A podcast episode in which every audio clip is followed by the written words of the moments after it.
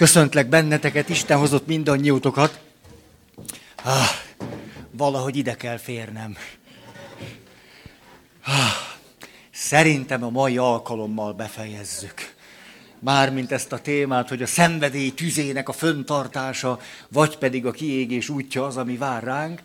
És annyit most már csak ismétlésként éppen csak bevezetve azt, hogy miért is beszélünk erről, mert sémákról beszélünk, vagyis olyan érzésekről, gondolatokról, emlékekről, testi, fizikai állapotokról, amelyek bennünket valamikor gyerekkorban nagyon is jellemeztek az akkori életesemények miatt, és miután ez gyerekkorban számunkra nagyon erőteljes tapasztalatok révén alakult ki, ezek lehetnek egyszerű, nagyon egyszeri erőteljes tapasztalatok, de lehetnek hosszú ideig föntartó, újból és újból és újból megélt élmények.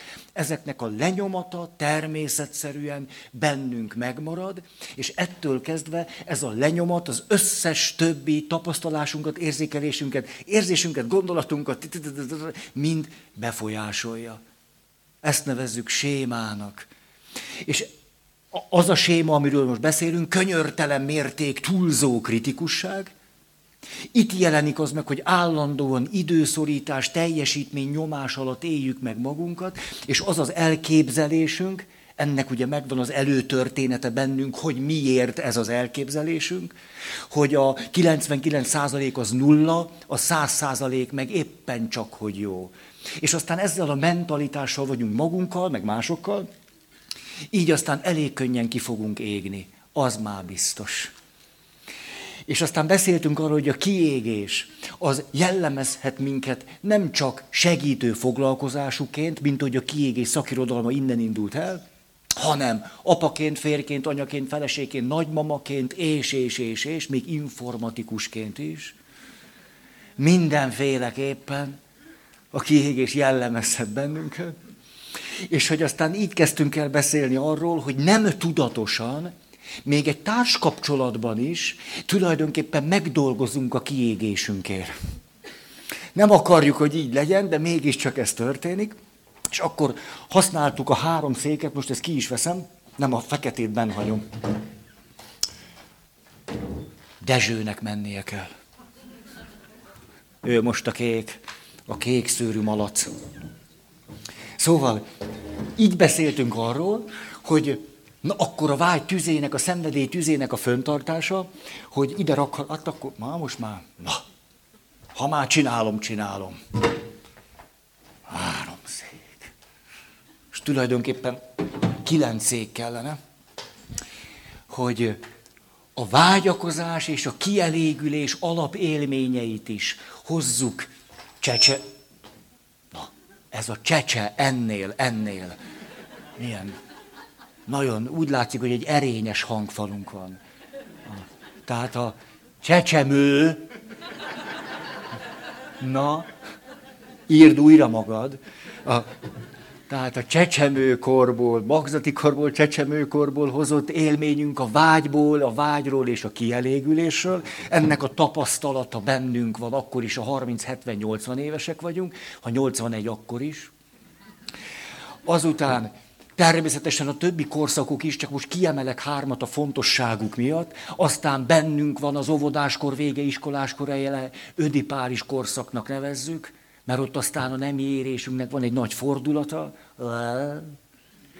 Így aztán benne van a vágynak és a kielégülésnek az ebből a korszakból hozott összes tapasztalata, majd pedig egy nagyon fontos rész megint csak ez a serdülőkor, a vágynak és a kielégülésnek az összes tapasztalata itt van bennünk. Na és ezt hordozzuk magunkkal, és amikor a jelenben vagyunk, a jelenben egyszer csak megéljük azt, hogy az elején jó volt, de most már nem. Az elején nem bírtam ellenállni neked, hát most nagyon is bírok. És akkor itt jön egy újabb sor, ez pedig a csalódásnak az összes tapasztalata, a csalódásnak, a kudarcnak, a kielégületlenségnek, a magamra maradottságnak az összes élménye. Most áthozom ezt csecsemőkortól kezdve. Hát onnan szerezzük az alapélményünket. Mi volt az, hogy vágyakoztunk, és nem jött anya? Hát onnan van alap tapasztalatunk. Valamire szükségünk volt, éhesek voltunk, szomjasak voltunk, viszketett a fenekünk, vagy nem tudom, nem tudtunk a büfivel mit kezdeni, de nem volt senki, aki segítsen.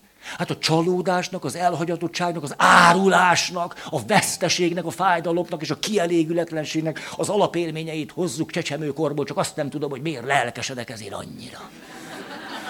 Ugye elkezdtem mondani, éreztem, nem tudom, hogy ilyen lendületbe jöttem. Hogy... Ezt nem, hogy elgondolkozom, hogy a kielégületlenség miért tűnik számomra ennyire érdekes témának. Na. Látjátok, mikor elkezdünk egy, egy előadást, azt gondoljuk, biztonságban vagyunk, és egyszer csak a saját előadásunk pofán ver bennünket. Ez aztán az önismeret elől nem lehet elbújni. Szóval, itt van aztán a második. Akkor természetesen, ahogyan onnan hoztuk az ödipális korszakból, az ödipális korszakból is hozzuk annak az összes fájdalmát, hogy anya nem lett a miénk, de még csak egy kicsit se. Hogy apa nem mondta azt, hogy elhagyom aját, érted? Te, te kis hercegnő. Hanem azt mondta, te vagy az én kis hercegnőm. Majd rátekintett az édesanyámra, és azt mondta, hogy gyere. Hát ez egy, a kielégületlenségnek, a vágy kudarcba fulladásának egy szörnyűséges élménye öt éves korból. Ezt is magunkkal visszük. És aztán itt van a serdülőkori összes tapasztalatunk erre vonatkozóan. Á, hogy az volt bennünk a vágy, hogy olyan szeretnék lenni, mint apa. De van egy hasonló vágy. Semmiképp nem leszek olyan, mint az apám. Ez is egy komoly vágy. Van, akit egy életen keresztül űzés hajt. És akkor egyszer csak megházasodott, és ez, ez, ez a vezér motivumot, hogy, hogy én, nem, én nem fogom úgy elszúrni, mint az apám. Az apám egy, egy morális antitalentum volt. Ez egy szép kifejezése valaminek, amit csúnyában is mondhatnánk. De hát ugye a lojalitás nagy dolog, tehát így fogalmazzuk meg. És akkor egyszer csak, ott már van egy két éves kisgyereked, meg van feleséged, meg az összes többi, és ahogy ott dühöngsz otthon, szintiszta az apádat hallod. És egyszer csak valakinek összes csalódása ér, nem sikerült nem olyannak lenni, mint az apám. Tehát itt hordozzuk az összes csalódásnak, veszteségnek, kielégületlenségnek az élményeit és tapasztalatait. De az a szép, hogy van ez a sárga lábú szék. Hmm. És nem kezdek el reppelni. De érzek késztetés rá, csak visszafogom magam. De csak a lábam miatt. És, hogy a vágy, há, csalódás, veszteség, kielégületlenség, ó. de közben pedig van egy harmadik lépés. És a harmadik lépés, ez az, ami tulajdonképpen az előadásban is, vagy az alkalmankon, most az utolsó néhány előadásban, vagy mi az alkalom, na, hogy mindig megjelenik, hogy nem muszáj itt rekedni, mert van, aki itt reked. Valahogy ennél a, a gyermeki, vagy csecsemőkori, serdülőkori vágyakozásainál, és, és a, a szülei idealizálásánál, és há, ennél rekedek, és akkor kell, kell, kell, hogy legyen az igazi, az igazi kell, hogy legyen, de most két éve élek együtt, és nem tudom, mint Dezsővel, és már nem ő az igazi, már érzem, mert, mert nem érzem. Ugye, de ezt itt mondom. Tehát ha ő lenne az igazi, nem így érezném magam, hogy nem érzem magam úgy, ahogy akkor érezném magam, hogyha ő lenne az igazi. Most már nem érzem így, akkor nem ő az igazi, és akkor újból és újból döntünk a gyerekkori előzetes élményeink mellett, a vágy mellett, hogy muszáj, hogy ez úgy legyen, ahogy muszáj, muszáj. És akkor itt hozzuk a sort, mert mindjárt idézem. Úgy, hogy erőfeszítés nélkül, gond nélkül, baj nélkül, csak úgy a vágyaimmal teremt, egyszer csak történjen meg, és van, aki ehhez ragaszkodik egy életen keresztül, és a csalódásaiból mindig visszaül ide, és azt mondja, kell, hogy legyen, kell, hogy legyen. Ezt picit hasonlónak látom, mint amikor múltkor kiavítottatok. Mit mondtam én, hogy ne neves korán? És erre valaki azt mondta, az nem, nem az a neve. Kinevet a végén.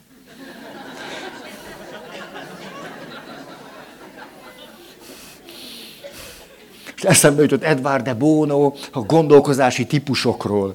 Van olyan, hogy lényeglátó gondolkozás.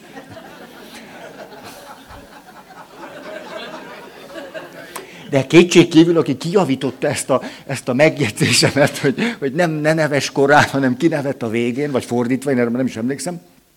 Létezik ön, hogy a nehézségekkel, a hibákkal és tévedésekkel számot vető gondolkozásmód. Hát ő abban volt.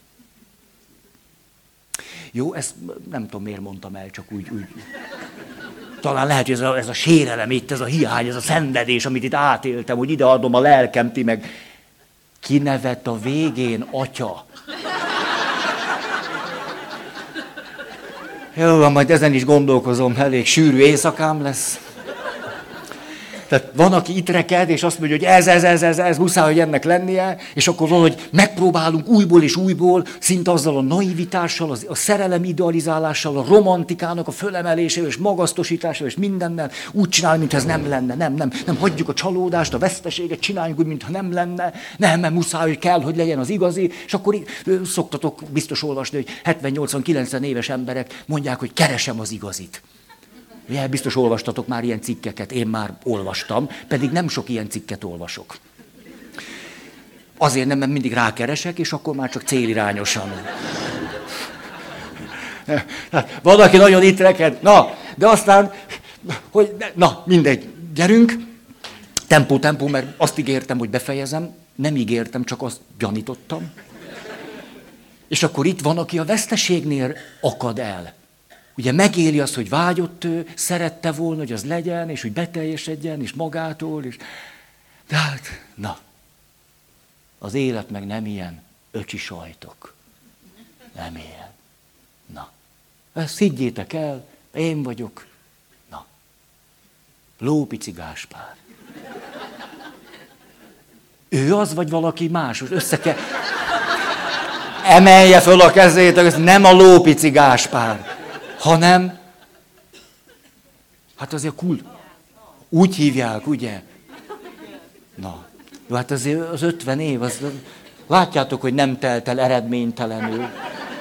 Lópici Gáspár. Hát Lópici Gáspár, ugye, jó, egy picit majdnem összetévesztettem az orizatriznyákkal, de aztán vagyis lehet, hogy már, lehet, hogy már 6 évesen, 8 évesen, 18, 28, 35, azt mondod, és a végérvényesen beláttam, hogy az egész sor, hogy vágyakozni, és hogy magától, meg az élet adjon valami jót, és feltétel nélküli szeretet, meg ugyan, ugyan már, ne szórakozzunk. Hagyjuk már ezt az egész. Te volt a házas vegyén, na akkor ne szövegeljél. Minden, hogy teljesednek be a vágyaink, tudod, mennyi haza, hülye gyerek. Hogy te, persze, majd te mondod meg mi, Ferenc atya, köszi szóval. Van, aki itt reked egy életen át, annál, hogy a csalódás, úgyse teljesedik be, hát az egésznek semmi, úgy, semmi teteje nincs ennek az egésznek. Jó, lehet róla szövegelni, csak nincs így. Jó, hát na, ennyi. Na. Hát nem szívesen maradok azért itt, és a itt valami sárgalábú székünk, a szépünk, és azt mondja, hogy ezt se fogom folytatni. És hogy létezik az, hogy valahogyan megőrizzük a vágyainkat, valahogyan megőrizzük, nem mondjuk azt, hogy nem létezik olyan, hogy csak úgy magától, meg föltétel nélkül. Őrizzük ezt a vágyat csecsemőkorból, de közben őrizzük a fájdalmat, a veszteséget, ez is bennünk van, és közben valahogy ennek az egésznek a dinamikáját kézben tudva tartani, valahogyan, há, mégiscsak élünk. És megéljük azt, hogy valahogy mindez hogyan, hogyan tesz teljesebbé. Hogyan tudunk boldogok lenni azzal együtt, hogy ez is így van, meg ez is így van. Hogy tudunk jól lenni ezzel együtt. Ez, ezt látom izgalmasnak. Ugye most csak azt a, lassabban tudok fordulni, be van fástizva a lábam. Tényleg be van, megroppant a térdem csak úgy csinálok, mintha nem, hogy ez volt még itt múltkor, hogy ugye erőfeszítés nélkül. És hallottam egy olyan gyönyörű történetet erről, hogy, hogy ugye ez a vágyunk, erőfeszítés nélkül szeressenek, akkor rájövünk, hogy legyen már. Na hát ez nincsen, mert tele vagyunk elvárásokkal, majd kérem szépen, jön is az előadás. Ezt kértétek. Ugye, hogy így van, ezt kértétek. Én néztem, fölmentem a honlapra. Fölmentem, és azt néztem, Kozma vízkeletei Dánieltől azt kértétek, hogy elvárások a társkapcsolatban. Na végre, végre, megtudjuk, hogy kell azért úgy beletolni az elvárásokat. Az jó is az. Na, jó, erről mindig mindenre egy csomó történet jut eszembe, de most fegyelmezem magam. Nem tudom, hogy miért, de ezt teszem. A történet így szól. Nem tudom, ide ülök itt a A történet valóban, hogy egy fiatal nő, egy olyan sportos, belevaló csajszi, na, 1930-as évek. Elszenved egy nagyon súlyos balesetet. A nagyon súlyos baleset körülbelül ott a határán lebeg, hogy egyáltalán életben marad el. Életben marad, azt mondják az orvosok neki, meg a többieknek, hogy mozgássérült marad, nem fog tudni talpra állni, nem hogy járni, örökre tolószék, kerekes széket. Na, kerekes szék.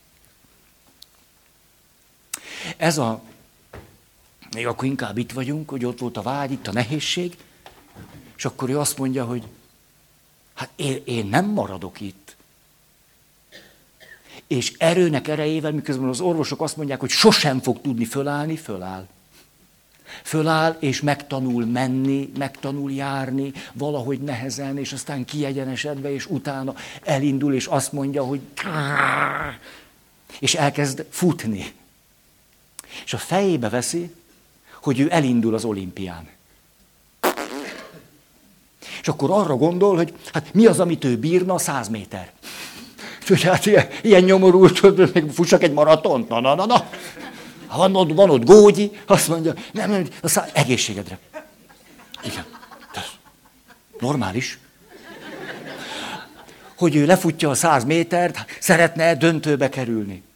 Igen ám, de ahogyan megpróbál lemenni a rajtgépbe, kiderül, hogy a sérülései miatt nem tud.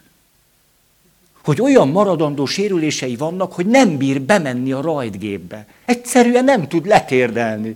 Tehát lehetetlen, hogy a száz méteren el tudjon indulni, mert nem tud elindulni. Következő gondolata itt a veszteség, fájdalom, kudarc, csalódás, kielégületlenség. Én azt mondja, jó, hát akkor milyen jó, hogy van négyszer százas váltó, mert ott a második, harmadik, meg negyedik ember álló rajtból megy. Ott nem kell letérdelni. És azt mondja, na jó, jó, most már ezt hagyja abba, de nem hagyja abba, elkezd edzeni, azt mondja, hát milyen nagyszerű, négyszer száz, hát akkor még olimpiai bajnok is lehetek. Edz, edz, edz, edz, végül is Mindenki őrültnek tartja, nem baj, ő azért bekerül az olimpiai csapatba. 1936, Berlini olimpia, ő a harmadik futó. És az történik, hogy zseniálisan jól fut, a kanyarba majdnem, majdnem eléri a német csapatnak a harmadik emberét. A németek a legnagyobb favoritok, mindenki már előre kiadja nekik az olimpiai aranyérmet, vezet neki is, nem éri útól, csak egész jól megközelíti. És a harmadik, negyedik váltásnál a német csapat eldobja a botot. És az amerikaiak olimpiai bajnokok lesznek 36-ban Berlinben, és a harmadik futó ez a fiatal nő, aki annyira sérült, hogy le se bír térdelni a rajtgépbe. És olimpiai bajnok lesz négyszer százan. Azt mondta, ne, akkor nem térdelek, akkor csak úgy futok. Tehát lehetséges az, hogy valaki itt reked egy életen keresztül, és mondja, hogy jöjjön már, hogy én ismerem az életet, ne szövegeljen nekem akárki. Mit magyaráznak? Ők megélték volna, amit én. Ugye ez? Bent maradni, ragadni a veszteségben, fájdalomban, kielégületlenségben. De létezik a sárgalábú szék hogy valahogy be tud teljesedni, valahogy. Úgy, ne, úgy teljesen, úgy, ahogy csecsemőként nem. Teljesen úgy nem. De valami abból mégiscsak. Nem tudom, hogy ti szeretitek-e a tavaszt. Hogy ez, ez, jó, ez érdekes, hogy csak a nők reagáltok a férfiak.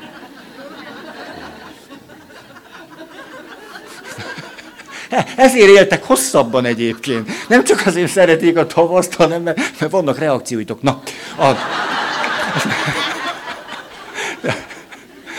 Tényleg, hát ezek tényleg, na, ezek így vannak, csak ilyen hülyéskedve mondom. Hogy, hogy ugye itt az a csecsemőkori vágyunk, most nem rakosgatom a széket, értitek, hogy hát, hogy, hogy csak úgy történjen meg valami jó, és elégüljön ki, és ne kell semmit csinálni, és föltétel nélkül. És amikor tavasszal, hát, hát valami ilyesmi megtörténik, nem? Hogy ölbetett kézzel nézed, hogy napról napra látszik, ahogy minden virág elhervad. Ezt lehet látni, ezt. Kinyílt a tényleg, kinyílt a tulipán, rendben van. Tízből nyolc kinyílt, annyi neki. Annyi. Még a hűvös helyen kettő kókadozik, annak is annyi lesz. Azt akkor. Nézhetem a hülye zöldjét még egy hónapig. Ó, van is két hetet virágzott. Na, ennyi. Holland tulipán, persze, holland tulipán. Elvirágzik, öcsi sajtok, elvirágzik. Na jó, szóval, szóval nem tudom, hol tartok, ezért... De tudom, tudom, tudom, hol. Tessék, a tavasz, a tavasz, hogy amíg... Ja. Jó, valaki azért a tavasz 17 pillanatánál. Jó, hát akkor van még 16. Akkor beszéljünk most a hóvirágról, a kis fejecskéjéről. Jó, most ezt nem, nem tényleg abba hagyom. A, azt mondja, erőfeszítés nélkül ez volt, és akkor most már csak tudatosság nélkül, konfliktus és gond nélkül, legyen, ha, nem ez, nem ez, ez. Legyen megoldás az életemre. Emlékeztek, itt volt ez a vágy, hogy legyen minden rendben. Minden, minden. És akkor ilyenkor mindig a sekrestés barátom jut eszembe. Feri, minden oké? Okay? Ilyenkor a fekete székre átülök. Sosincs olyan, hogy minden oké. Okay. Ébresztő. Kis csecsemő. Nincs, hogy minden oké. Okay. Jó? Tehát itt akkor ez volt a vágy, hogy akkor legyen minden, minden rendben, konfliktus nélkül, le, legyen megoldás az életemben. Jó, mi az, amiről, na, csá! Ez a legyen megoldás az életemre, olyan, olyan szépet mond a Viktor Emmanuel Frankl, látjad, három neve van. Az USA-ban is van egyetlen város, aminek három neve van. Pontosan így van. Ennek semmi köze az előadáshoz. De semmi. Tehát ezért most, most azt mondom, ez maradjon egy fejtörő azoknak, akik nem tudják, de kétségkívül így van. Tehát ha esetleg egy ilyen betelefonás, hogy maradj talpon, a... mentek, lehet, hogy emiatt nem zuhantok le. Salt Lake City. Ezt én, én Lópici Gáspár.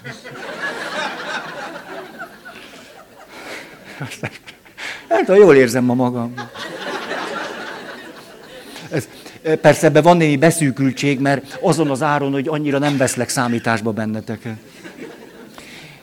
Tehát egyébként azt tudjátok, hogy így van, hogy a boldogság az némi beszűkültséggel együtt jár, azt tudjátok? De, de ha nagyon boldogok vagytok, ne hozzatok életre szóló döntéseket.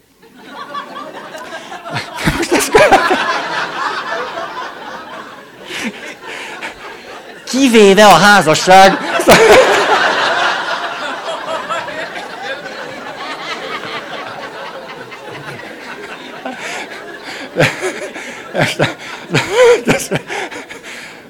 De most, jó, most azt hiszem, azt hiszem, most már, tehát ilyen rövid idő alatt ennyi bajt nem zúdítottam még a fejemre. Fél óra alatt ennyiszer csálába kerültem. De, de tényleg egyébként úgy van, mondjuk jegyes csoportokban, hogy mikor olyan nagyon-nagyon parásként izzó szemmel tekintenek egymásra, hát akkor lehet tudni, hogy... Ö, ö, ö, ö. Ezért van az, és lehet, hogy nem értetek velem egyet, de hát miért kellene velem egyet értenetek, hogy számomra a jegyes csoportba való járásnak most van egy pár föltétele, de ezt szoktam mindig tisztázni, mióta ismeritek egymást. Egy éven belül vagytok, naív korszak, nem tárgyalok. A, még, még kevés volt ebből. Hát akkor gyertek, ha már volt csalódás, volt veszteség, volt kielégületlenség, nyomorúság, akkor gyertek. Hát azért valami minimális dolgon menjetek át. Na. Na. Nem biztos, hogy ez helyes, de az se biztos, hogy helytelen.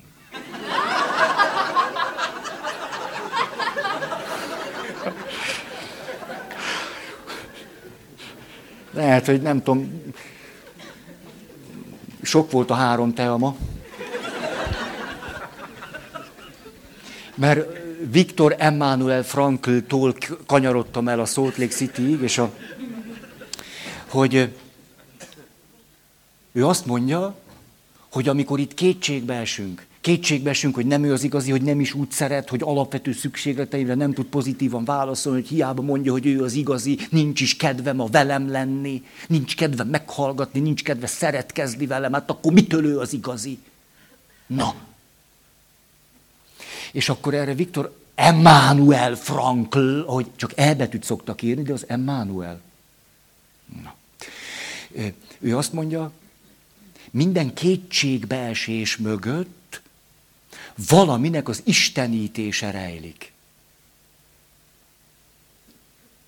Ezt mondjuk itt, a lélektan szakemberei úgy mondanák, nem mintha ő nem lenne az, hogy idealizálása. Valaminek az idealizálása, azt mondom, hogy ennek muszáj így lennie ez az istenítés. Muszáj, hogy ez meglegyen, muszáj, hogy ő adja, muszáj, hogy ezt tőle kapjam. Valaminek az istenítése vezet a kétségbeeséshez. Azt mondom, ha ez nincs, ha ez nem történik meg, ha nem szeret, ha elhagy, ha, ha nem kapom meg tőle, ha nem vesz észre, ha nem adja meg, akkor mindennek vége. Ez a mindennek vége, ez egy gyerekkori átélés, hogy mindennek vége. Ugye? Mert itt az a vágyam, hogy minden legyen jó. És hogyha nem úgy szeretsz, vagy nem, akkor meg mindennek vége. Az azt jelenti, hogy ebben a sorban ülsz. Ugye a gyerekkori vágyadnál, és éppen most élted meg, hogy az nem teljesedik be. Nem úgy, ahogy gondoltad. Ilyenkor mondjuk azt, hogy mindennek vége.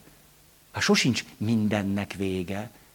Ugye erre pedig, tudnám ki mondta, de tudom egyébként, Schopenhauer, a nagy filozófus, Tényleg így van. Azt mondja, a legtöbb ember a saját korlátait a világ korlátainak tartja. Tehát amikor azt mondom, hogy minden vége, valójában ez azt jelenti, hogy most nagyon beszűkült állapotban vagyok, és a, a, hát pontosan eljutottam a magam határaig és korlátaig. Bele is ütköztem, és azt mondtam, hogy hát annak a világnak, amit én itt eddig elgondoltam, meg megéltem, tényleg vége. De nem a mindennek van vége, hanem ennek a szűk világnak, amiben eddig leleckedtem. Annak tényleg vége van. Ah, csak ezt így élem meg, hogy mindennek vége. És akkor, tehát, jó, jöjjön a következő. Azt mondja, mert ez kiegészíti az előzőt, hogy minden legyen oké, okay, minden legyen rendben, te mindent adjál meg, ugye egy szemében, ezt már nem is ragozom. Itt pedig az van, hogy végérvényesen, örökké, és ezt minthogyha meg is erősítenék mondjuk a házastársi eskünél. Hol Tomiglan? Hát, hogy a kedves ismerősöm mondta, hogy, hogy nagyon belehúzott, úgy, úgy látszott, mint a, a székely asszony. Hogy azért az eskü csak úgy mondta, hogy az csak jó jön, jöjjön ki belőle. Mert azért úgy kicsit cifrán azt mondja, hogy téged el nem hagylak, semmiféle bajban, hol todiglan, hol táiglan. Ügyes. Ugye, jó, hát ismeritek a viccet. Ugye mondja a székhely azt, hogy napja, egyikünk meghó, én beköltözök a városba. Ez olyan. Tehát itt az a vágyunk, hogy akkor örökké, örökérvényűen. Ugye, és a pap is elmondja ezt a, a jegyes csoport legelején, nem tudom mikor mondja el meg, hogy van egy jegyes csoport, de ha ez mind van, akkor elmondja valószínűleg, hogy hát akkor örök érvényű. Na azt mondjuk, na ez az. Oh. Maradandóan, végérvényesen rendeződjön el. Örök érvényűen. Ez itt a vágyunk. Örök érvényűen. És akkor itt most visszahozom a három széket, mi ez, hogy örökérvényűség? Hogyha benne vagyunk a csecsemőkori és óvodáskori és serdülőkori dinamikánkban, akkor az, hát akkor ide ülök, hülyén vagyok, egy grandiózus csecsemő. Az örök érvényűen azt jelenti, hogy nincs is idő perspektívám. Nincs. A most van. A most van, a jelen van. Ezért, ha valami beteljesedik, akkor azt élem meg, hogy most, most minden, minden megvan, örökérvényű. Há. Erről sokat beszéltünk már, hogy valamikor az iskoláskor legelején jelenik meg egyáltalán, hogy időben vagyunk képesek gondolkodni. Ezért egy pici csecsemő, nem tudom, hogy nektek van-e élményetek a rácsos ágyban eltöltött időkről. Egy picit odébb megyek, bár mondjuk inkább itt kéne maradnom. Nekem van. Ah. Éppen egy hónappal ezelőtt följött egy élményem a rácsos ágyról. Az egyáltalán nem olyan, mint a rácsos süti. Rácsos süti, oké. Okay. Rácsos ágy, nagyon nem oké. Okay. Szegény édesanyám ikreket szült. Ja, akinek vannak ikrei, azt szokta volt mondani, hogy ö, ö, hogy ö, ö, melós. Hát minden tiszteletem az anyukámé, és szerintem úgy szabadult meg néha tőlünk, a néha az egy blasfémia.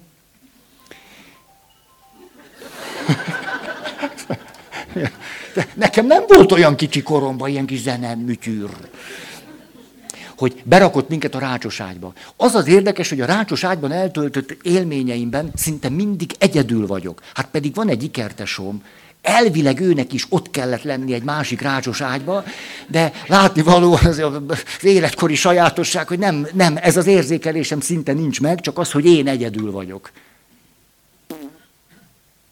És tudjátok, mit csináltam? Annyira unatkoztam, majd meg őrültem, hát aludj ferikém. Hát,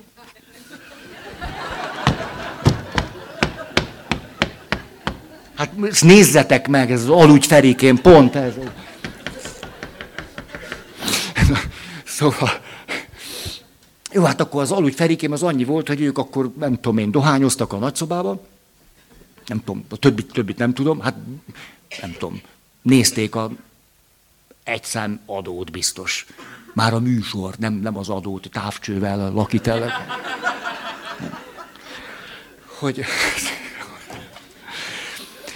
Szóval, a rácsos ágybéli élmény, nem fogom befejezni, de, de befogom, de majd, most ez, jó, a rácsos ágybéli élményem az, hogy olyan mozgás hiányom van, most hirtelen összekötöttem ezt egy másik élményemmel, hogy, hogy egy egyszobás lakásban laktunk az Andrási úton, egy pici szoba, ilyen garzonszerű, tehát kicsi egy, egy, és a két rácsos ágy fért el benne, értitek, azért az megvolt, a rácsos ágy meg, ez a nélkül is gyereknevelés. És az a család történeti sztori, hogy mikor elvittek a nagymamánkhoz, ahol több szoba volt, egy nap alatt tanultunk meg járni.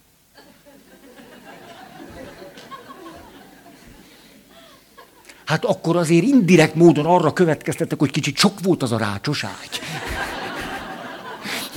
És az az élményem, és világosan emlékszem, hát nem tudom, hát biztos egy éves lettem, kettő, hát akkor voltam a rácsos ágyban, utána már mit, mit értitek, akkor már szétrágtam. A, hogy, hogy ott, hogy valahogy ne unatkozzak meg ez a nagy mozgás hiány, elkezdtem ezt csinálni. Ugye a hintázás, a hintázás nem véletlen az. Ugye csak én nem így hintáztattam, mert kicsit az egy szorong, szorongatóbb helyzet volt az a sok rács. Tehát, majd kifizetem. Ezt csináltam, egész most ez jó érzés egyébként, az a... Tényleg, tényleg. Vagy próbáljátok ki otthon.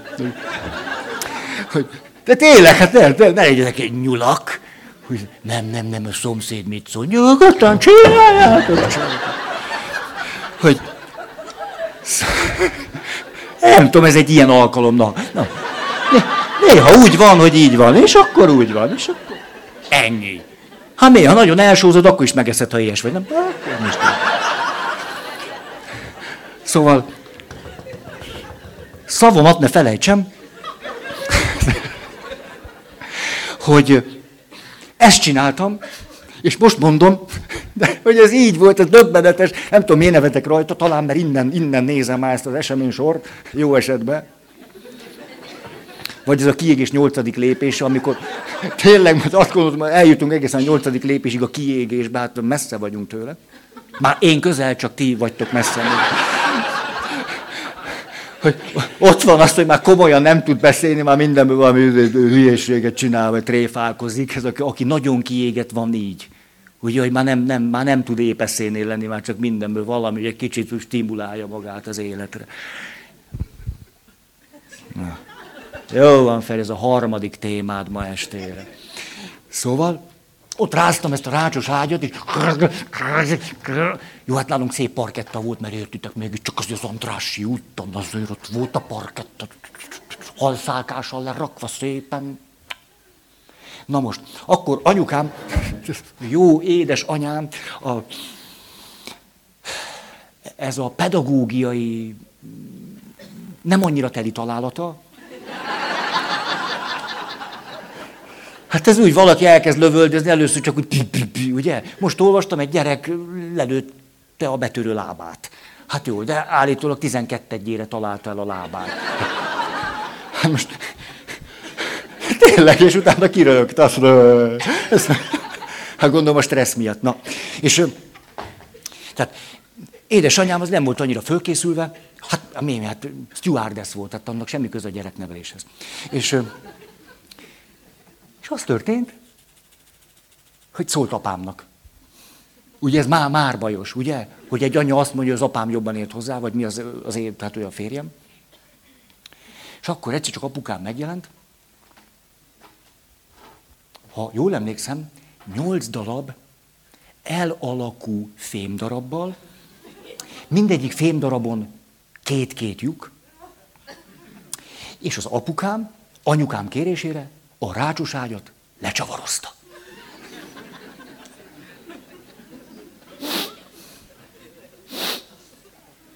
Azért ez, hogy mondjam, nem olyan, ugye? Ez nem egy óceán érzés itt. Hát, hogy, és akkor ugye kis hülye gyerek, na. Hát ez, tehát még az az élmény sincs meg, hogy legalább értitek ez a... Ez olyan, amikor befagy az egész óceán. És... Hát és akkor még orosz atomtenger alatt járó jöjjön ott kimenteni. Ilyen még nem volt. Ezt miért mondtam el? Hogy ezt kérdezed? Ezt nem tudjuk, de lehet, hogy nem is fontos. Mindennek fontosnak kell lennie? Nem. Néha csak úgy vagyunk, ugye? Élvezzük az életet, nem töprengünk azon, hogy ez most fontos-e vagy nem, hanem végérvényesen rendeződjön el. Ez a témánk örök érvényűen, örökké varúan. És közben akkor itt van ez a vágyunk, hogy ez a végérvényesség, látjátok, az idő perspektíva hiányából fakad, hogy azt mondjuk, hogy örök és végérvényesen, mert hogy ennek így kell, akkor így, csak így jó, csak így, és... Ha. Hármat kell még aludnod, borikám. Hármat aludni? Ebből az aludni érti, a hármat nem. Ugye, de hát ilyenkor mégiscsak azért, hogy a szeretet miatt bólogat a gyerek. Ha, hármat, hármat, igen, igen, hármat. Az mennyi? És nézd, elmondom mi az, hogy három. Jó. Há, na jó, gyerünk. Hát a három az az, háromszor 24 óra, érted? Na. Most már aludjál. Háromszor 24 óra. Na. Mi történik itt? Hogy, hogy élhetjük át azt, hogy nem rekedünk meg abban, hogy, hogy, hogy a gyermekkori vágyainknak úgy kell beteljesednie, mint ahogy egy gyerek átéli a beteljesedést, és mindig, és akkor az igaz, és akkor a jó, és akkor, de nem rekedünk meg a, a, a veszteségnél sem. Annál, hogy lerá, le, le, lerácsozták, lecsavarozták a rácsos ágyat, hogy nincs, hogy vége, hogy még az sincs, amiről gondoltad, hogy van. De itt is meg lehet rekedni. De a harmadik például, megint csak Viktor Frankl, hogy mikor emberekkel beszélgetett, akik nagyon nagy veszteségeket éltek meg.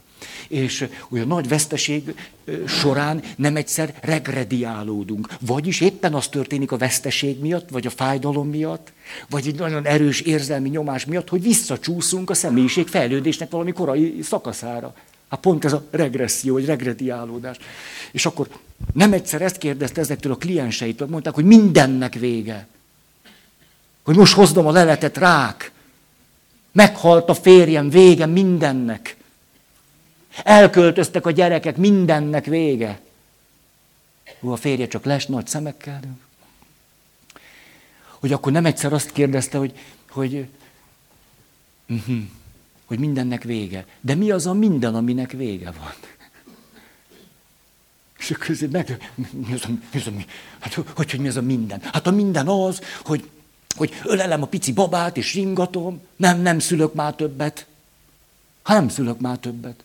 Hát már klimaxon túl vagyok. Nem szülök többet, az is egy veszteség. Már nem, nem fogom ezt csinálni. A sajátommal. Hát ha van olyan, hogy saját.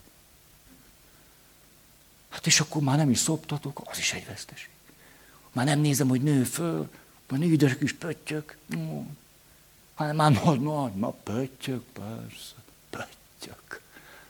Nagy hógolyók. Hidegek, csak elgurulnak otthonról. A Kár Gustav Jungnak volt egy olyan szép gondolata.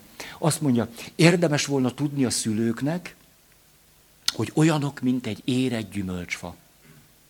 Ősszel a termés már magától is leesik. Az a normális. Fogom, hogy megérett a gyümölcs, és eddig kellett ott lenni a fán. Most már nem kell ott lennie. És az az érdekes, képzétek el, hogy egy kertészmérnöktől hallottam, hogy az a gyümölcs, ami van köztetek kertészmérnök? Van. Tényleg? Ne, most bocsássatok meg nekünk, most, most, most, most, most, most van a pillanat, értitek, most, most nem bírok ellenállni, és most, most, most, hogy te hallottad-e, hogy a, a fán térire fönnmaradt gyümölcsnek van-e valamilyen elnevezése?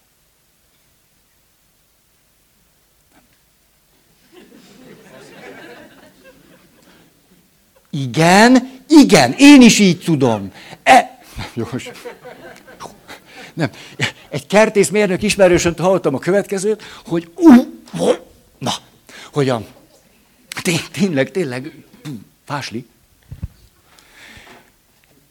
Jó, rugalmas mulpója. Igen, hát most mindenféle sváb kifejezésekkel ne illessük ezt a rugalmas mulpója. Hogy azt mondja, a télen fönnmaradó gyümölcs a fán, ugye hát tudjátok milyen.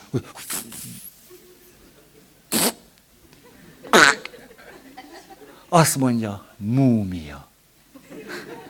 Múmia. Szóval fönnmarad a gyümölcs, le kell szedni a múmiákat. A múmia lett belőle. De micsoda egy, egy zseniális csé.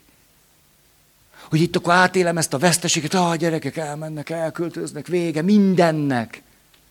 És akkor Frankl azt kérdezi, ja, hát akkor mi ez a minden? És akkor hát ilyenkor mégiscsak lesz egy ilyen lelkesű, hát a minden, minden az, hogy gyerek, és itt van, és játszik velem, és, és jön, és szalad, és anya, és palacsinta, és tejbegríz, és ah, tegnap kaptam madártejet. Volt rajta hat felhő. Jó nagy, bárányosak. És, a, és akkor, hogy Frankl megkérdezi, hogy jó, de mi az a minden, és akkor az anya mondja, hogy hát ez a minden, meg az apa is az a minden, az ez, és ez, és ez, és ez. És akkor Frankl azt kérdezi, hogy most látom, hogy nagyon könnyű volt ezekre a dolgokra visszaemlékezni. Ja, hát persze, hogy könnyű volt, hát itt él bennem pont, az annyira fáj, hogy ez többé nem lesz. De hát akkor ez azt jelenti, hogy ez ugye már megtörtént. Hát persze, hogy megtörtént. Hát, hát ha megtörtént egészségedre, akkor az már elvehetetlen. Ha megtörtént, akkor az már maradandó. Az már végérvényesen úgy van. Hát az már megtörtént.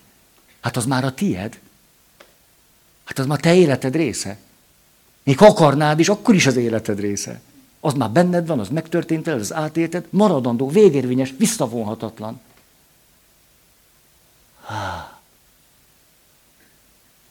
Például elnyerhetjük úgy, itt a harmadik lépésben azt, hogy van a vágy, és van a csalódás, a veszteség és a kielégületlenség, hogy azt mondjuk, na jó, de nagyon sok minden van az életemben, ami már megtörtént.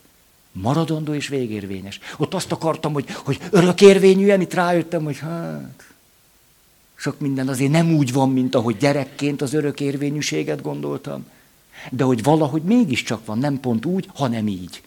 Úgy ezen a széken ezt éljük meg, nem pont úgy, hanem így. Ah, jó van. Azt mondja. Igen. Hm. Hm.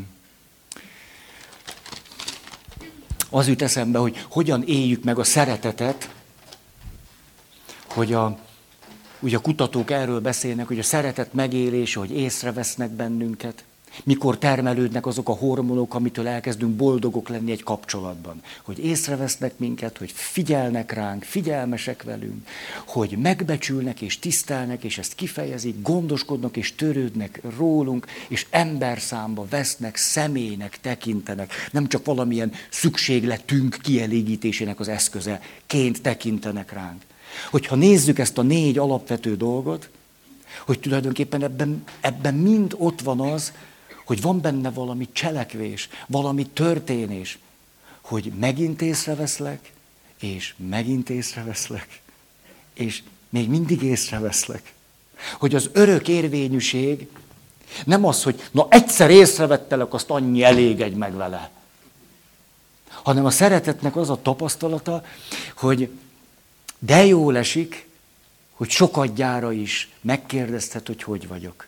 És ebben valami, elkezdünk megélni valami maradandóságot. Hogy azt gondolom, hogy ameddig mi együtt vagyunk, addig, addig én részesülhetek abban, hogy amíg te tudsz, vasárnap megfőzöd az ebédet. És azt mondja, igen, igen, meg akarom főzni az ebédet. Meg gyerekkorból hozom azt az élményt a süteményről, hogy, hogy elmegyek a cukrászdába, és a sütemény mindig ugyanaz, hogy megyek, kérem a dobostortát. Hogy megvan a kedvenc sütim, és mintha ez az örökké valóságig így lenne, nem érzékelem még, hogy ez egy bolt, amit be lehet zárni, vagy meghalhat a cukrász, és más lesz a dobos. Hogy például nagymamám azt csinálta, nagyon aranyos volt, mert mikor mentem hozzá, akkor ő előtte szép lassan, úriasszony módjára. Lement a cukiba, ő hívta ezt így, a cukiba, és vett az unokájának egy darab Stefániát, hozzá három deci traubi szódát. Azt berakta a hűtőszekrénybe. Nagymamámnál a hűtőszekrény hőfoka mindig durván hideg volt. Én szerintem akkor lettem buborékfüggő. Tényleg, tényleg. Én...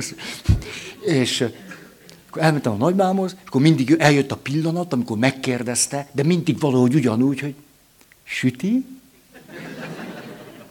És akkor, süti. És akkor volt egy idő, amikor már ő neki nehezére esett fölállni, mert amíg könnyen ment neki, addig mindig kiment, és akkor kis szalvétával.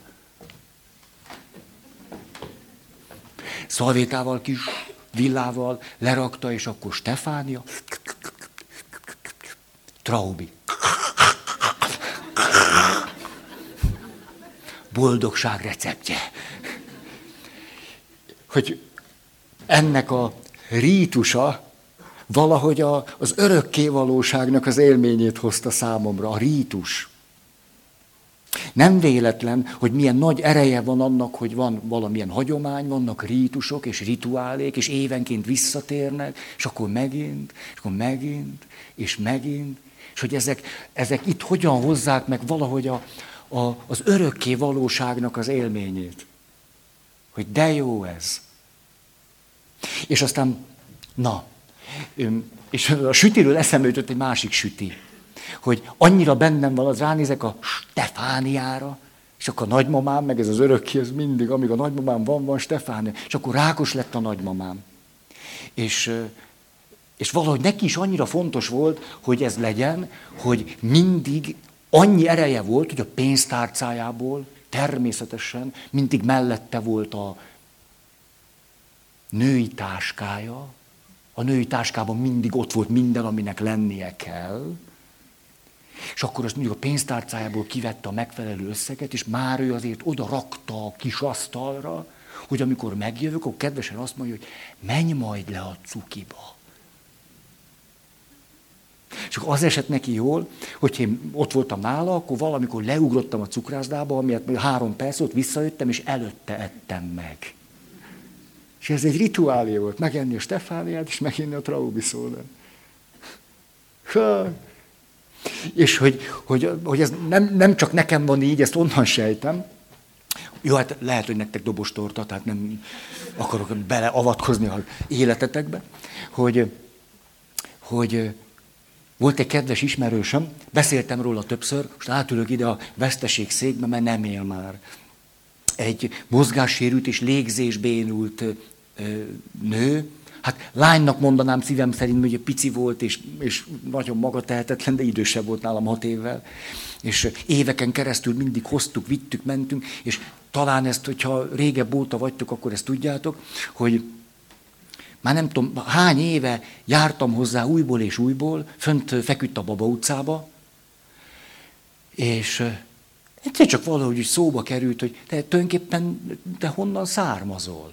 Akkor mondja, hogy hát te hódmezővásárhelyről. Hú, hát az nem itt van.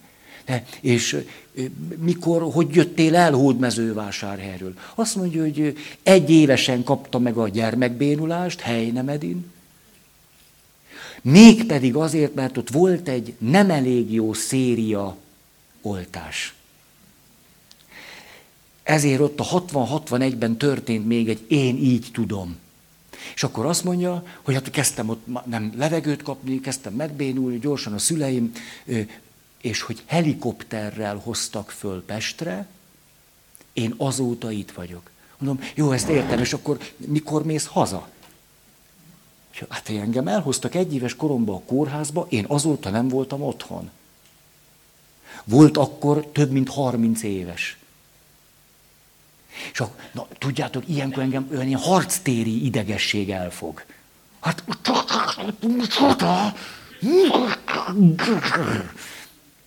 és akkor összebeszéltem egy barátommal, hogy ugye személyautóval nem is lehetett őt szállítani. Tehát kellett hozzá, akkor béreltünk egy barkaszt ha ez megvan még nektek, egy barkasz. kávészínű. Mogyoró. Nem, nem, mogyoró színű. És akkor na, mentünk, toltuk a barkaszta, ugye folyamatosan kellett pumpálni. Na, 30 év után el tudott jutni Hódmezővásárhelyre. És akkor otthon aludt.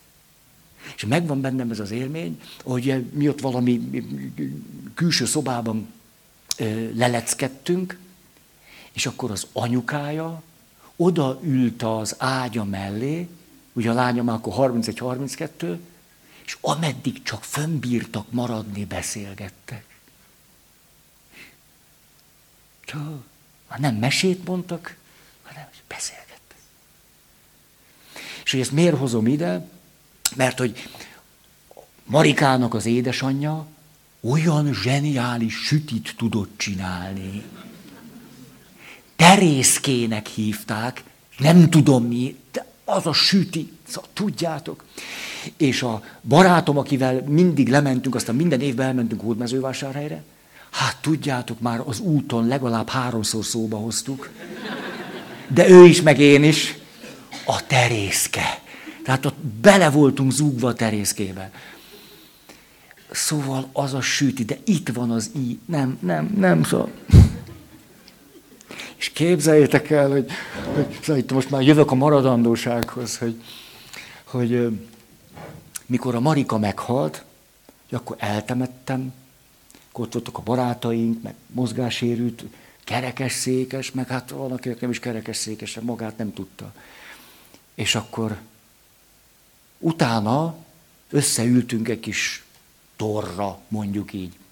És akkor ez a kedves ismerősöm odajön, azt mondja, te Feri, hát szóval ez a halál, ez fölfoghatatlan. Hát nem, nem, nem tudom fölfogni, hogy, hogy most a Marika nem él már. Hát ez, de ez hogy lehet? Hát, hát mi jöttünk ide hetente háromszor, négyszer, ötször, hát teljesen az életünk része volt, hogy jövünk, és hát most akkor egyszer, és nem jövünk ide, és nem jövünk, és és emlékszem, hogy sóhajtott azt, és tudod mi az, ami a legfölfoghatatlanabb? Hogy nem eszek több terészkét. Hogy ezután úgy fog menni az életem, hogy, hogy, hogy nem esek, azt a finomat. És akkor elkezdtünk arról beszélgetni, hogy lehet, hogy azért egyszer lemennénk mi hódmezővásárra. Már csak, hogy ugye az örökérvényűség miatt, ugye a maradandóság, egy kicsit megkérdez, hogy abból a terészkéből még. És tényleg, te komolyan úgy összeszaladt a nyál a szám, ez hihetetlen, hogy, ah, és azóta nem ettem több terészkét. Nem. Azt se tudom, hogy tudja valaki a földön azt csinálni. Nem tudom. És akkor itt megélem azt, hogy de hát tulajdonképpen az én életemnek visszavonhatatlanul része a terészke. Én így fogok üdvözülni. Na, képzeljétek el! Megyek a mennyországba, és ott lesz a Marika, az édesanyja, és, és az Istennek van humora, irgalmatlan sok terészke. Na, jó.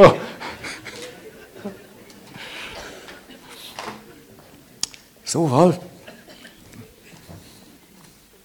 mennyi az idő? 13 perc. 13, nem 12. 12 perc van még. Igen, igen, igen. A, egy másik lélektani szakember azt mondja, hogy a, itt hallatlanul vágyunk a rendre. A rendre, az örök érvényűségre olyan értelemben is, akárhogy mondtam, hogy mindig a Stefánia, és mindig a Traubiszód, és mindig a Terészke, és minden héten, és a vasárnapi ebéd, és, ugye, és annak az íze, valaki elmegy az USA-ba, vagy elmegy Ausztráliába, és akkor 30 év múlva, és ah, az az aranysárga húsleves. Ah, ah, itt meg csak a Big Mac van. Ah, az aranysárga húsleves. Na, látjátok, hogy egy mennyire ínyenc vagyok, szóval én áll. Körülbelül most jól is laktam, tehát már ételre nem bírok ránézni este, mert annyit beszéltem róla. És mit akartam mondani? Azt, hogy megvan akkor bennünk az, hogy akkor a rítus, vagy a rituálé, ott van, mikor elkezdünk rítusokat, akkor valahogy az örökké valóságot hozzuk be a rituálékkal. Ez nagyon szép. Azért is van egészséget őrző hatása a rítusoknak. Há. Szóval, a rend. Úgy, hogy akkor rend, és az minden évben, és minden látogatáskor, és mindig, mikor ott vagyunk, akkor ez van. Csak azt mondja ez a lélektani szakember, igen, igen, ez kétségkívül így van, de azért a szeretet rendetlen is. Hogy éppen a szeretetnek az a, az, az ismérve, hogy, hogy ha a nagymamám már nem tudja meghozni a Stefániát, akkor pff, majd én hozom hogy néha olyan események történnek, amit nem lehet ezzel a megszokott renddel, az örökkévalóságnak, ezzel a rituális föntartásával valahogyan képviselni, vagy megélni, vagy megjeleníteni, és akkor valami egész más csinálunk. Hogy a szeretetnek, és akkor itt átéljük azt, hogy rendetlen, de mi a harmadik lépés? Hogy rájövünk, hogy tulajdonképpen a szeretet nem rendetlen, hanem van benne valami rendkívüli azon a renden kívüli, azon túlmutató, azt fölülmúló. Hát ezt... Hmm.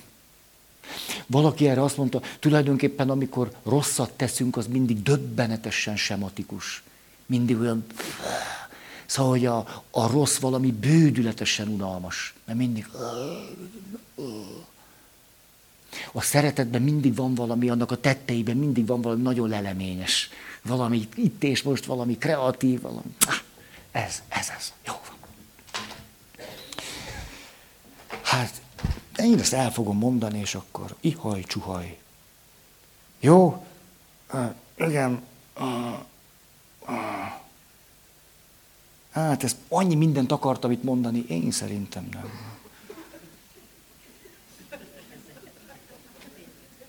Mondjam, vagy ne? Vagy... Nem kell, ugye? Értjük ezt, mit kell? Na most eddig nem értettük meg, most hova erőködünk. A, ugye ez a... Csak még annyit, hogy, hogy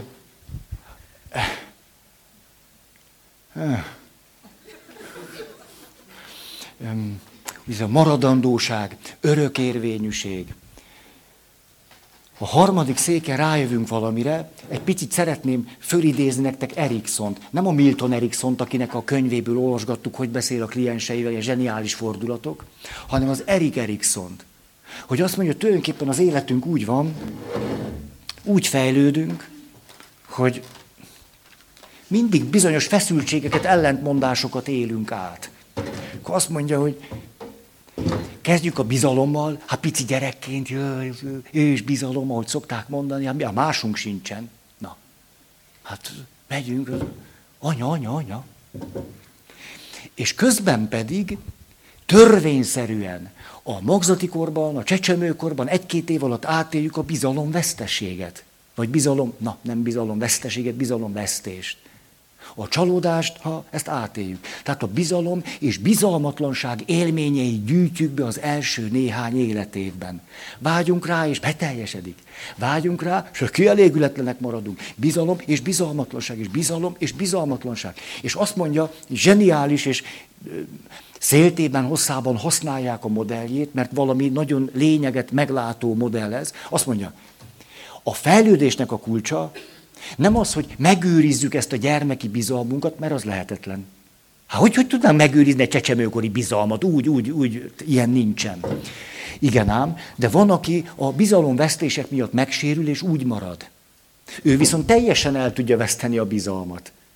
Azt mondja, a fejlődésnek a kulcsa, hogy úgy élem át a bizalomvesztésnek, a kielégületlenségnek, csalódásnak, az árulásnak, az elhajatottságnak az élményeit, hogy közben, akkor leszek már két éves, akkor vissza tudok térni a bizalmamhoz, miközben tudom, hogy az néha vagy beteljesedik, vagy nem. Vagy megbízható lesz anya, vagy nem. De képes vagyok magammal hozni innen ebből az életszakaszból valamit. A bizalomnak a képességét. És látjátok, ez már egy érettebb bizalom. Mert úgy kezdtem, hogy bízok naívul. Kiszolgáltatott vagyok, és megbízható anyára van szükségem. Két évesen azt mondom, bíztam eddig naívul, most már nem naívul bízok, mert tudom, hogy anya néha megbízható, néha-néha meg nem. Ezzel együtt továbbra is fönn tudom tartani a bizalmamat felé. Vagyis megtanultam mit kezdeni a csalódással és a veszteséggel, beleértve a saját bizalom vesztésemet is. Ami nem sodor el. És a fejlődésnek az a következő lépése, hogy megtanulok a bizalom, bizalomvesztés nekem, ezzel együtt a következő lépésre jutni. És akkor átélem valamit az önállóságom, valami, hogy egyáltalán, hogy az gyerek először kimondja, hogy én, hogy vagyok. Hát, tehát az anya és én, az nem is egy, nem is, nem is. Hát van különbség köztem meg anya között. Kedves ismerősöm azt mondta, hogy mikor iskolába mentem, még akkor is úgy voltam vele, hogy az volt a fantáziám, hogy anya tudja, hogy mi történt velem. Hogy neki azt nem kell elmondani. És nem értettem, hogy az anyám miért kérdezi meg, hogy na mi volt Peti? Hát hogy, hogy kérdezi? Hát az anya, hát, hát ő tudja, hogy mi volt velem.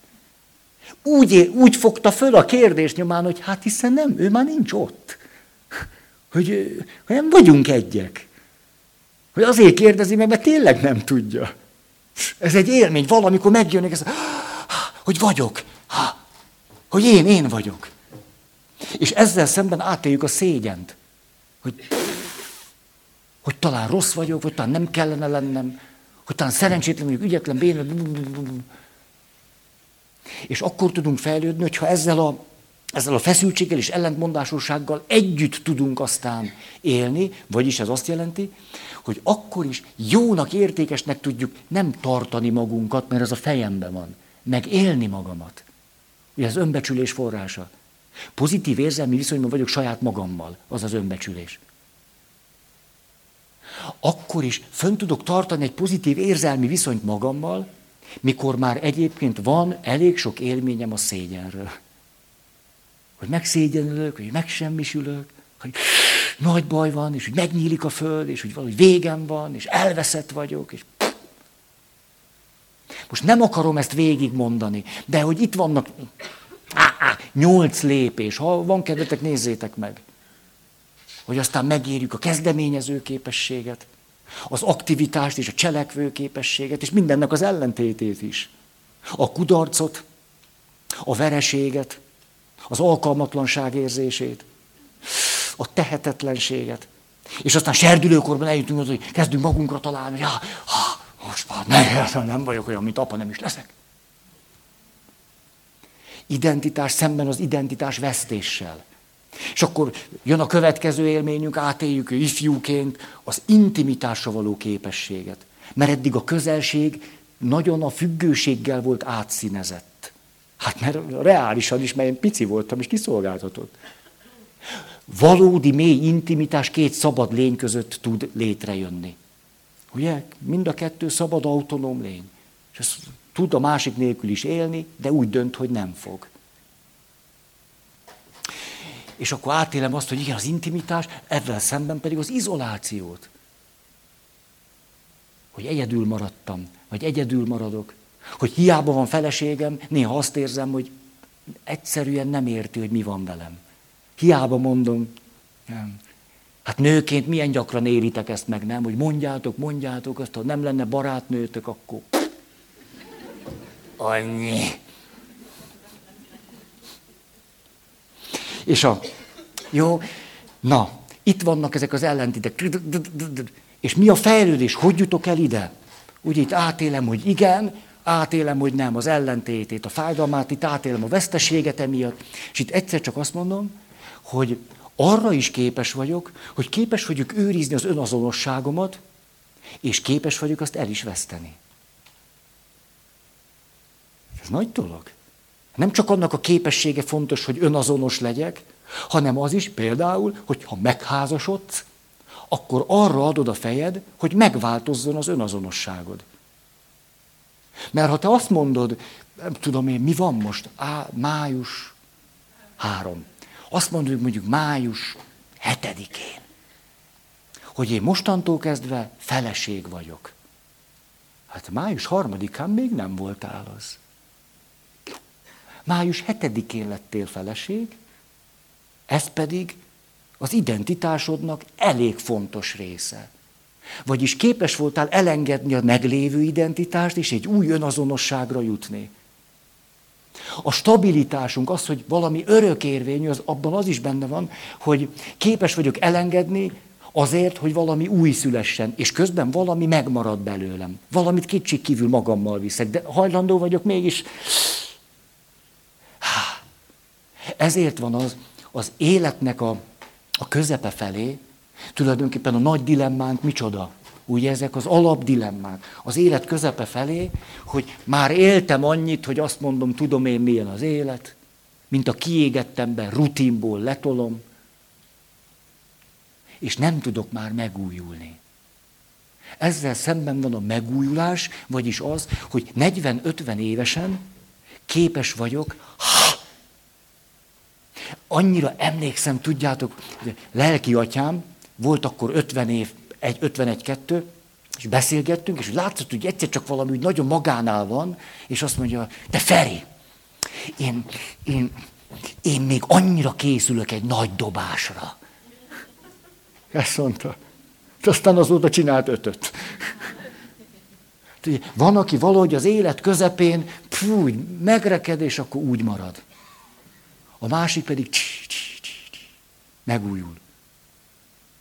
Az élet közepén, mikor benne vagyunk, hogy toljuk az életet, a pénzkereset, a gyerekek, a szüleink is betegek már, ugye az egy nagyon nehéz korszak. A gyerekekről még gondoskodni kell, és a szüleinkről meg már gondoskodni kell. Ah, az nagyon durva. Hát ez pont 40-50 évesen van, általában. Fű, olyan nehéz lesz az élet, hogy alig bírjuk. Se idő, se pénz, se energia. Ú. És ilyenkor, na, ez, hát ezzel fogom befejezni. Azt mondja, most egy párt rakok ide, pártot, nem, nem, nem, pár, pár, párokat, pár, párt. Ah, most mindent összekeverek. Legyen ő a férfi, legyen ő a nő. Azt mondja, így szépen. Hogy lesimítottam a szoknyáját. A, hogy hát nem csak, hogy pőrén itt, hogy Jött hozzám egy pár, ők. A férfi azt mondja, hát én tulajdonképpen nem tudom, hogy egyetlen elkezdjem-e mondani.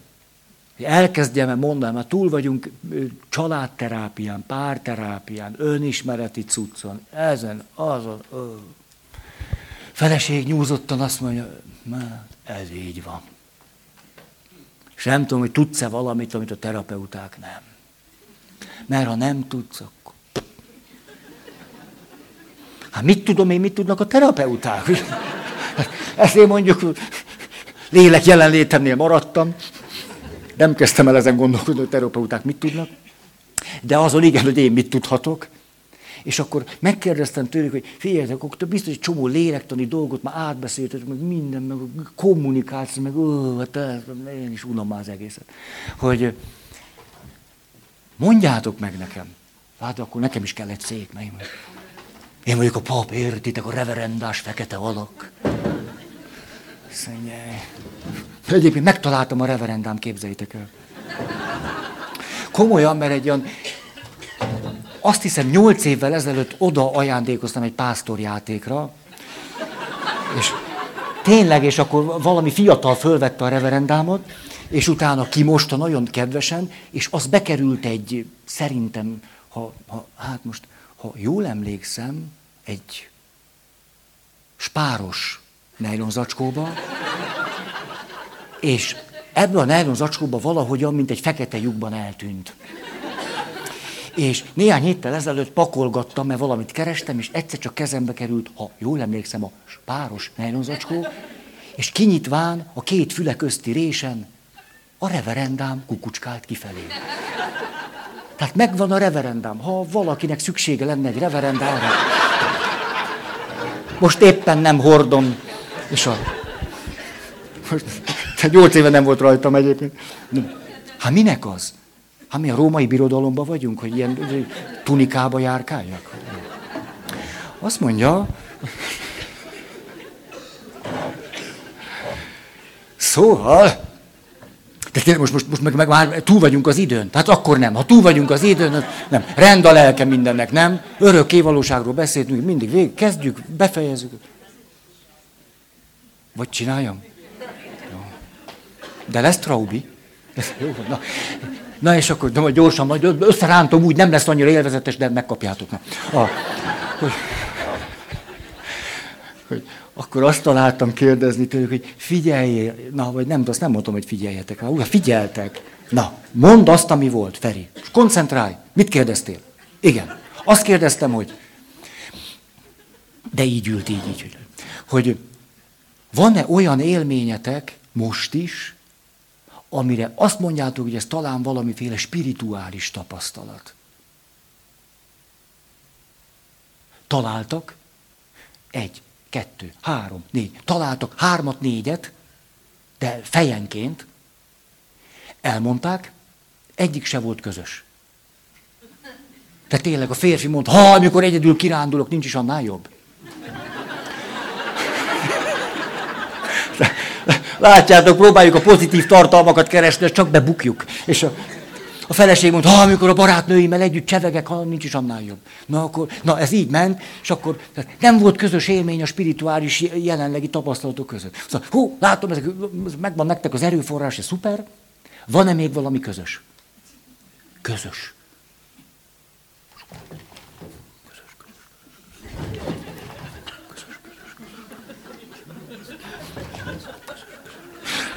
Egyszer csak láttam a feleségnek megvan, férnek is megvan, és pillanat, tehát ez a pillanat varázsa, egymásra néztek, és le, pontosan tudták, hogy a másik is ugyanarra gondol. És akkor azt kér, hogy bennem van, hogy fér, most én mondjam, vagy te. És akkor egyszer csak a feleség 57 perc után kedves lett. Hát nem, addig boldogtalan volt, és egyszer csak Hát persze lehet boldogtalanul kedvesnek lenni, de nála ez a kettő együtt ment. És, a, és akkor azt mondja, na mondd te, mondd te. Hát biztos hallani akart, hogy végre a férfi valami szépet mond. Na, na ritka. ritka. És akkor a férfi meg lelkesen, igen, igen, mondom. És akkor elmondta azt, hogy hát tulajdonképpen ez az együttes spirituális élmény, hú, tizenvalány év házasság után, hú. Hajnalban.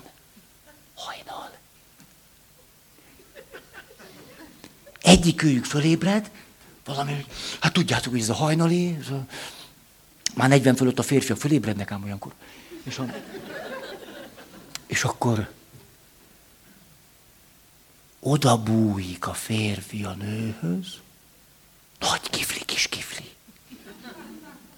És akkor azt mondja a férfi, hogy az a néhány perc, az a félálom, ahogyan én akkor nagy kifli vagyok, és akkor ő a kis kifli, de néha fordítva van.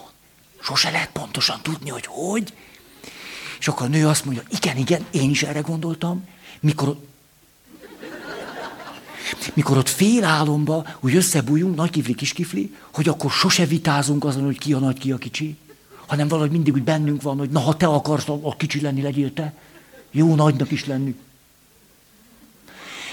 És szóval, e, ez az néhány áldott perc, amíg aztán persze megint visszaalszunk, hogy ilyenkor sosincs szex, mert azzal is csak a baj van. De hát tényleg azt is mindig elszűrjük, már szörnyű, az is az összes játszmánk része lett.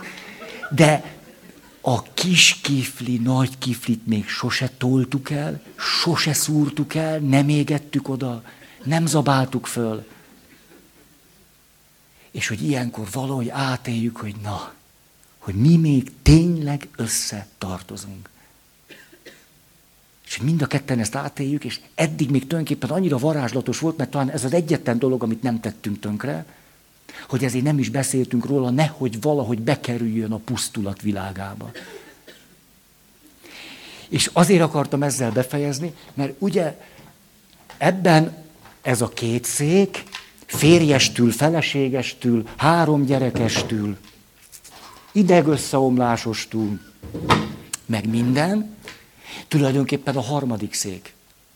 Mert itt van a vágy, tudjátok, hogy magától, ez a pillanat varázsa, nekem semmit csinálni, és fogadj el, és itt van ez, csak úgy történjen meg, és éljem át, és elégüljek ki, és kötődjek, és itt van az, hogy vagyam már, azt se tudom, hogy tudunk majd élni, és itt hajnalban a kis kifli, kis kifli, nagy kifli, ez is egy ilyen fejtörő, vagy szájtörő, vagy nem tudom, nyelvtörő. Jó van, most már rögtön kijavítottak. Tudom, hogy nyelv. És a... hogy itt mégiscsak valamit átélek abból, hogy azért van abból valami. Nem vesztjük el teljesen. Itt átéljük, nincsenek szavak, szavak nélkül, egymás vágyát kitalálva. Hogy valami ebből meg tud maradni. Ezt gyönyörűnek látom. A szó sincs arról, hogy jön, jön kiábrándult felnőttként itt a második sornál azt mondjuk, jó, hát ennek vége, hagyjuk ezt. És hogy azt mondta a férfi és a nő egyaránt ezt mondta, hogy tulajdonképpen ezek tartják bennünk a lelket. Hogy ezt meg tudjuk csinálni. Ó, ezt nagyon szépnek látom. Valamit innen áthozva, megmentve, megőrizve, tudva az összes tapasztalatot, fájdalmat, nyomorúságot, mégiscsak itt, de nyilván á, más minőségben. Szerbusztok!